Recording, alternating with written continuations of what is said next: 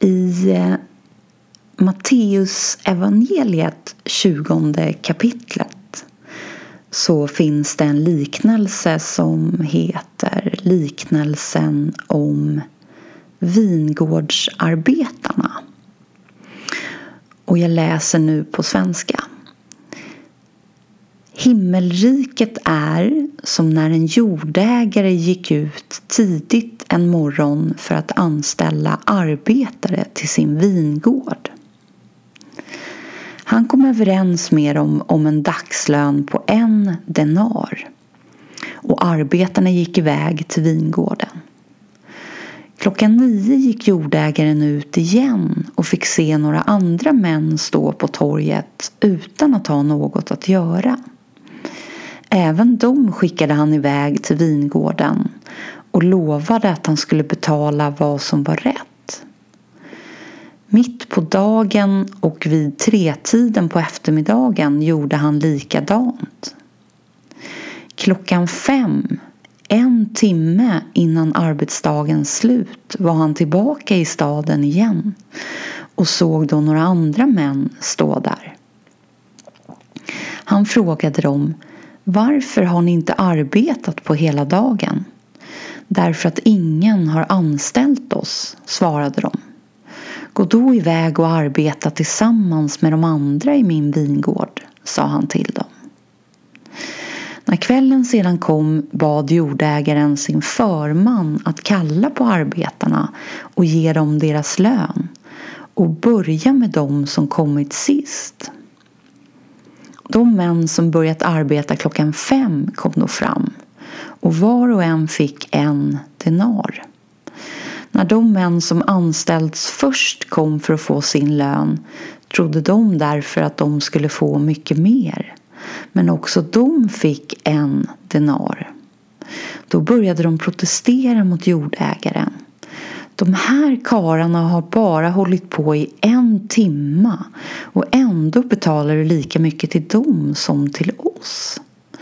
Trots att vi har arbetat hela dagen i den brännande hettan. Min vän, svarade han en av dem. Jag har inte handlat fel mot dig. Kom inte överens om en denar. Ta den och gå. Jag tänker ge alla samma lön. Har jag inte rätt att göra vad jag vill med mina egna pengar? Eller ser du med onda ögon på att jag är generös? Så ska de sista bli först och de första sist.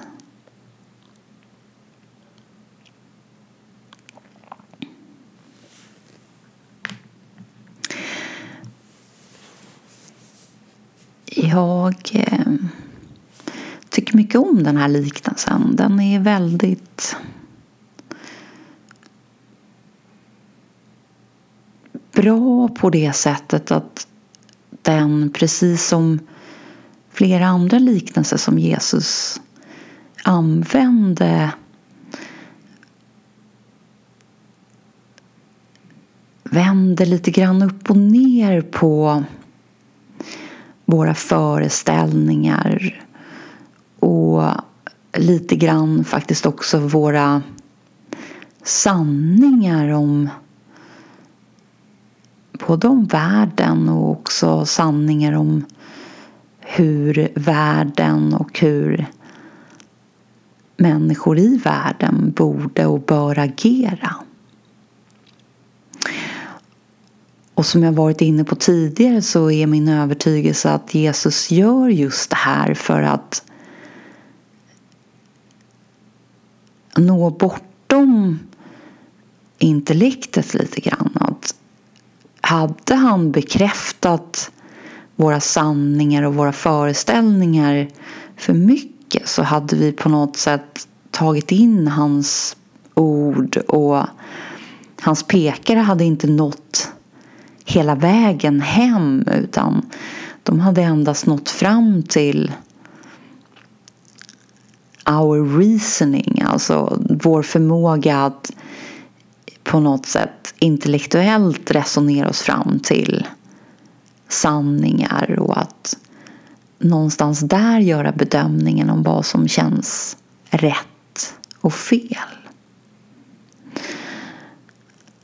Men genom att lite grann vända upp och ner på det där så får han oss att vilja se lite djupare, liksom, se bortom det här direkta i hans liknelseberättelser. Och ni kanske minns just själva inledningsordet, himmelriket är som. Så att den här liknelsen använder han alltså istället för att förklara himmelriket eh, så använder han det här som en liknelse av himmelriket. Och ni vet också från avsnittet just om himmelriket att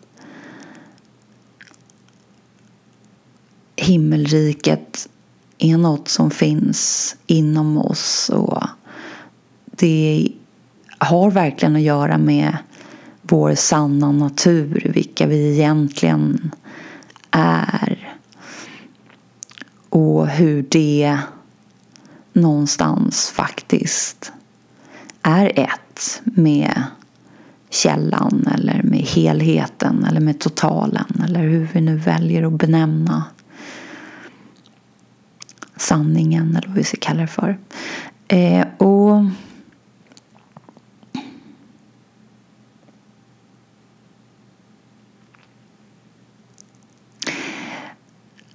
Någonstans pekar Jesus med den här liknelsen också på att oavsett hur vår väg som till slut, när vi till slut kommer, kommer hem eller hittar fram så är det ju ingen väg utan det är någonting som alltid har varit där och alltid har varit den vi är, eller ett med den vi är. Men vi har inte varit medvetna om det vilket gör att vi någonstans i vår skapade identitet börjar söka.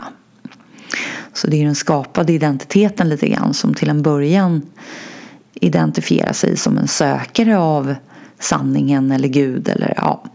Eh, men, men när vi någonstans till slut lyckas tillräckligt mycket undanröja illusionen så att sanningen börjar lite grann bli uppenbar så menar Jesus med den här liknelsen just att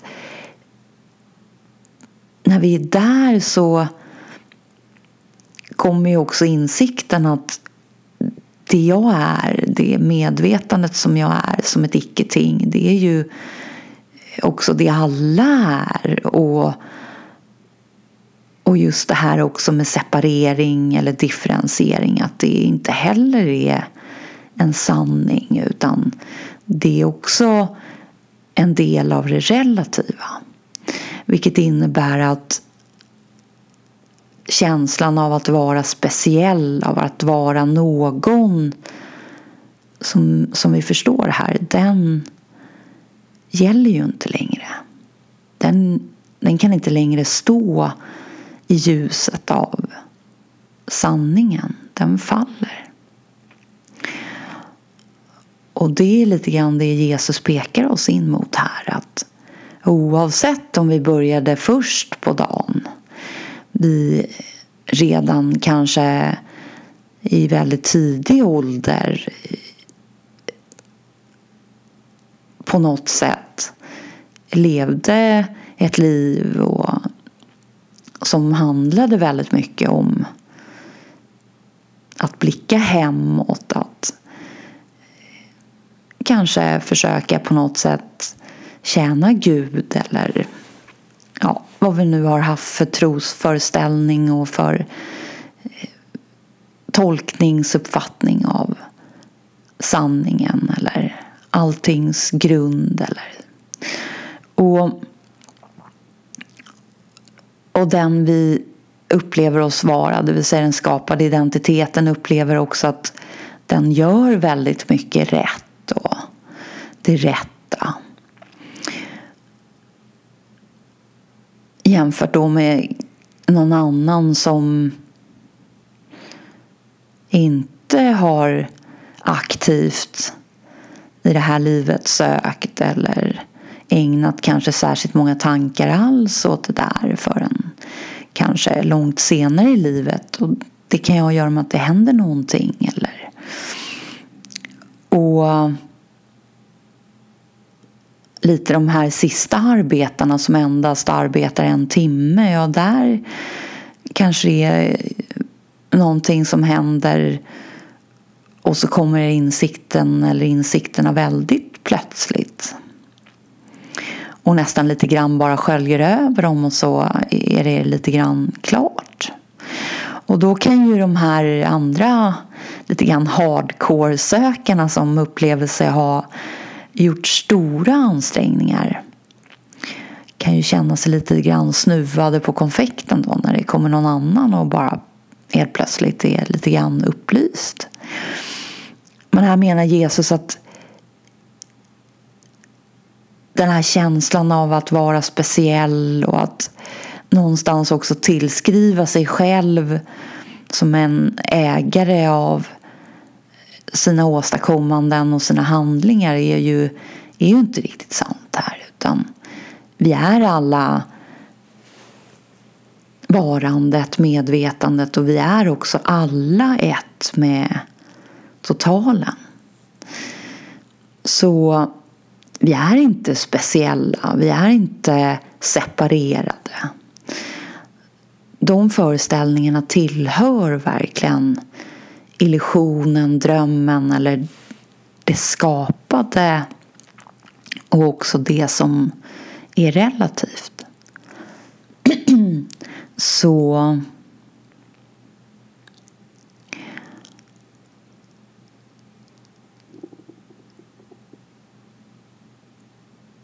även det måste lämnas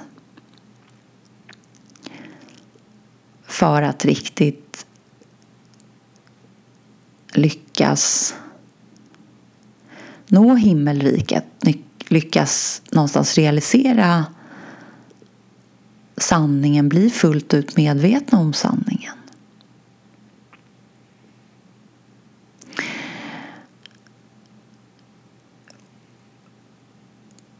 Och eh, jag minns en dialog mellan Morsi och en eh, kvinna som där hon just någonstans eh, tillsammans med Morsi lyckades identifiera och se hur det här begäret att vara speciell lite grann också låg i vägen för att hon skulle riktigt nå fram till sanningen, se sanningen, bli medveten om sanningen om sig själv. Och Morsi svarade, vilket han ofta gör, lite humoristiskt men det blir så bra. Han sa så här, But you are special. You are a very special nobody. Du är speciell. Du är en väldigt speciell ingen. Och, och kvinnan började skratta och så eh, syntes det tydligt hur lite grann det här begäret och den här strävan som var verkligen en villoväg lite grann rann av henne och, och plötsligt satt hon bara där och var hemma och medvetet och det, det blev så himla bra och hon verkligen insåg också hur det där ligger i vägen och står i vägen.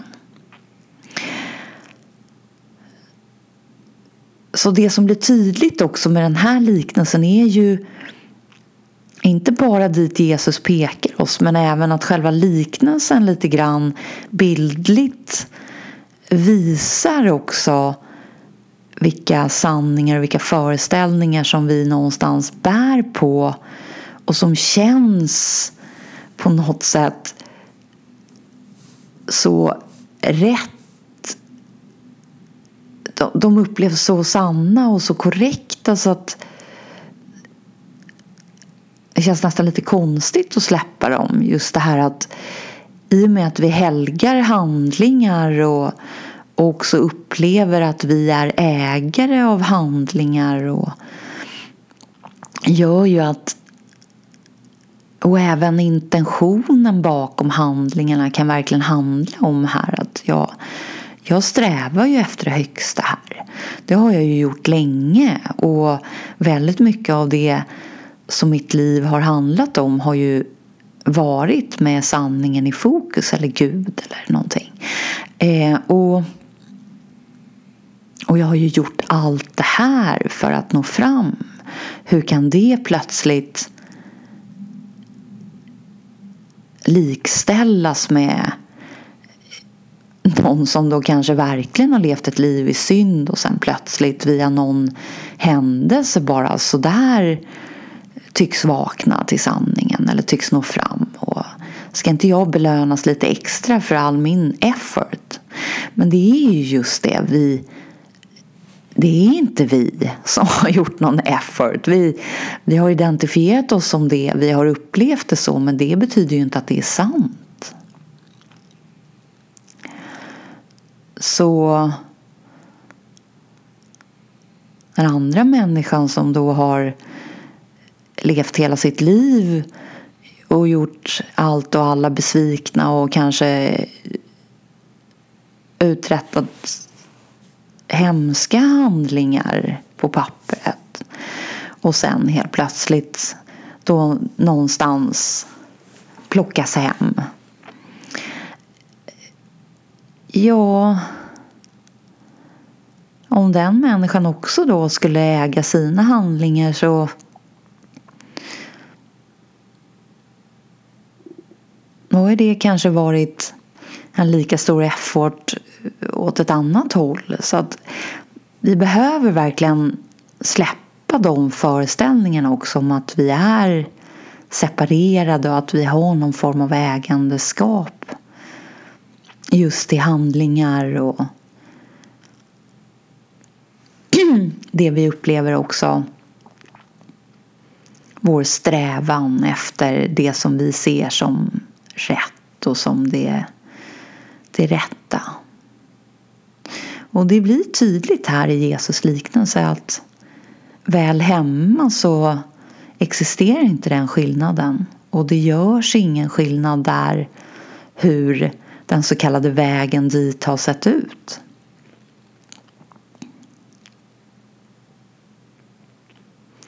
Allt är på något sätt en del av helheten, en del av totalen. Så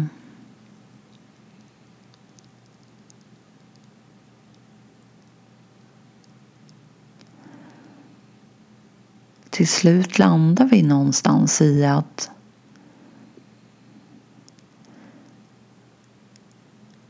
vi är inget ting. Vi är inte någon som kan vara speciell, som kan vara någon i världen eller i andras ögon eller även i våra egna ögon. Inte på det sättet.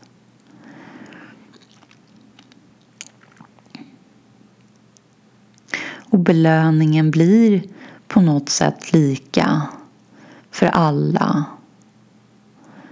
Och den kan varken vara mer eller mindre därför att vi är alla samma.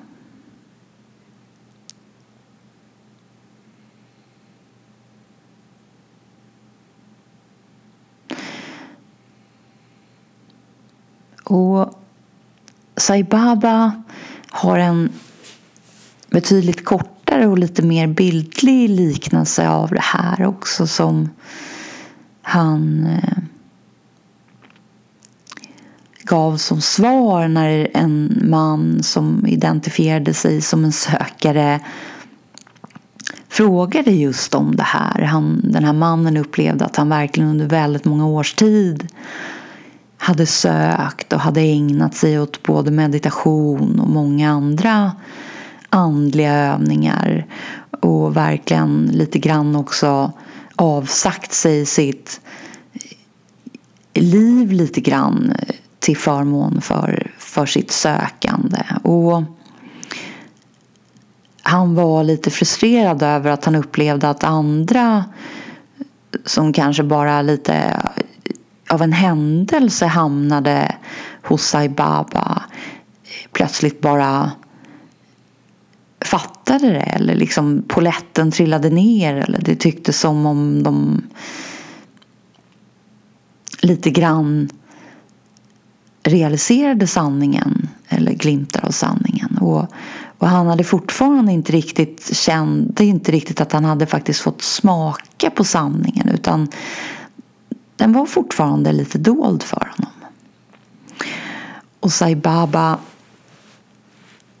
gav då som svar att Tänk dig att vi står och slår på ett stort stenblock med släggor och någon hacka. Och till en början så händer ingenting med stenblocket. Vi slår och vi slår och vi hackar men det är fullständigt i princip intakt. Och så småningom efter ett antal slag så kan vi börja se lite grann sprickor i stenblocket men fortfarande har inget ljus brutit igenom. Så vi behöver fortsätta och slå och hacka ett tag till. Men så plötsligt, vid någon tidpunkt som vi inte riktigt känner till i förväg. Ett slag och hela stenblocket faller isär i mängder med små bitar.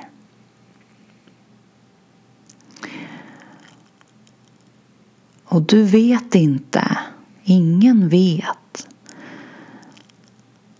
hur många slag När du ser stenblocket falla isär då vet inte du hur många slag som har riktats mot det stenblocket dessförinnan.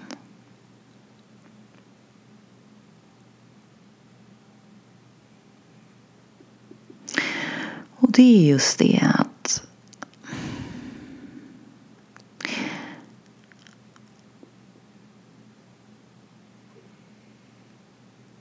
det finns inte en väg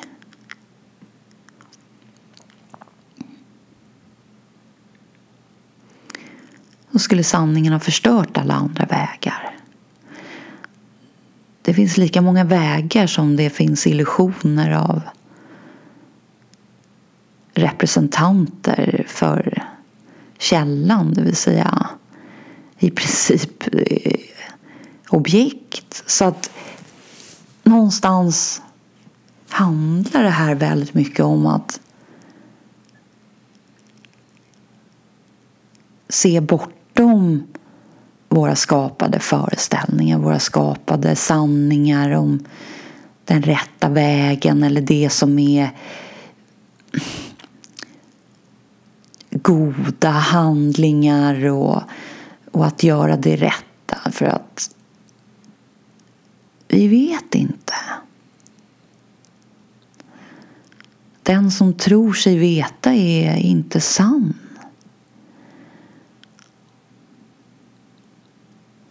Så överlämna det som tycks vara en väg till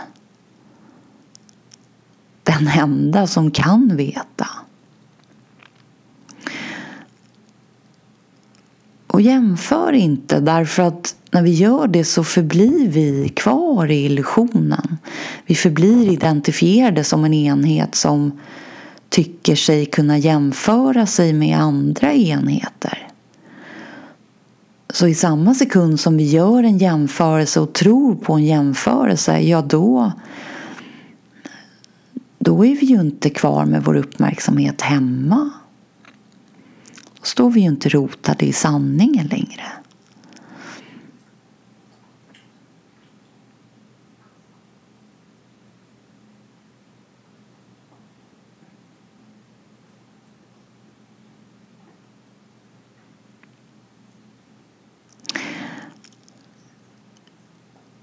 Så lite grann oavsett vilka tankar och, och som någonstans också kan ha en stark eh, sanning som avsändare. En sanning som vi länge har trott på och som vi, den, den sitter djupt i vårt hjärta. Så behöver vi vända oss bort ifrån tankarna och någonstans rikta uppmärksamheten hemåt, inåt mot vårt varande för att också kunna frigöra oss ifrån allt egentligen. Precis som Saint Ignatius of Loyola O Lord, take and receive my memory, my understanding and my entire will. Alltså allt det som jag har gjort till sanningar, gjort till sant. Allt det som täcks in i det jag någonstans upplever att jag förstår och har kommit fram till. Ta det. Han, han måste ju ha insett här att allt det ligger i vägen. För att verkligen komma hem. Och uppenbarligen ville han hem. Eftersom han så villigt lämnade ifrån sig allt.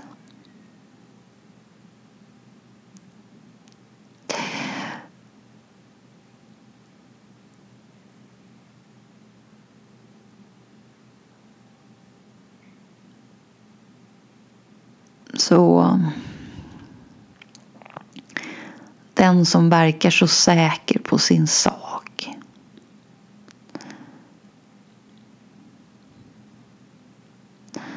I synnerhet i jämförelse med andra.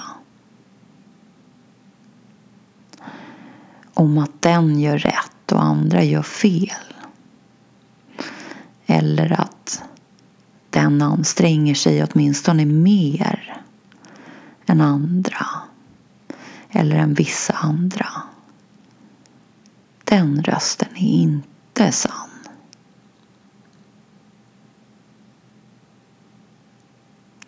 Och den som strävar efter att vara speciell i andras ögon och indirekt också då i sina egna ögon, ja den är inte heller sann.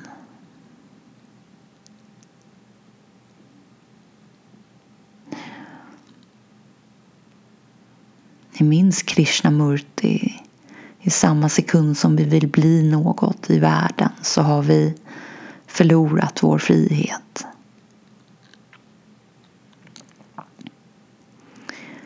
Det vi försakar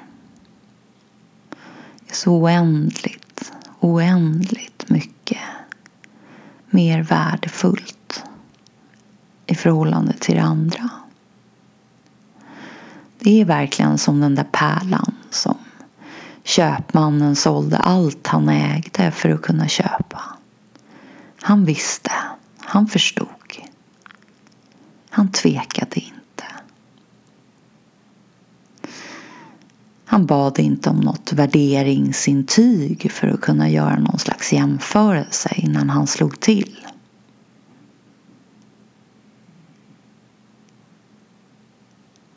Han satsade allt på en häst.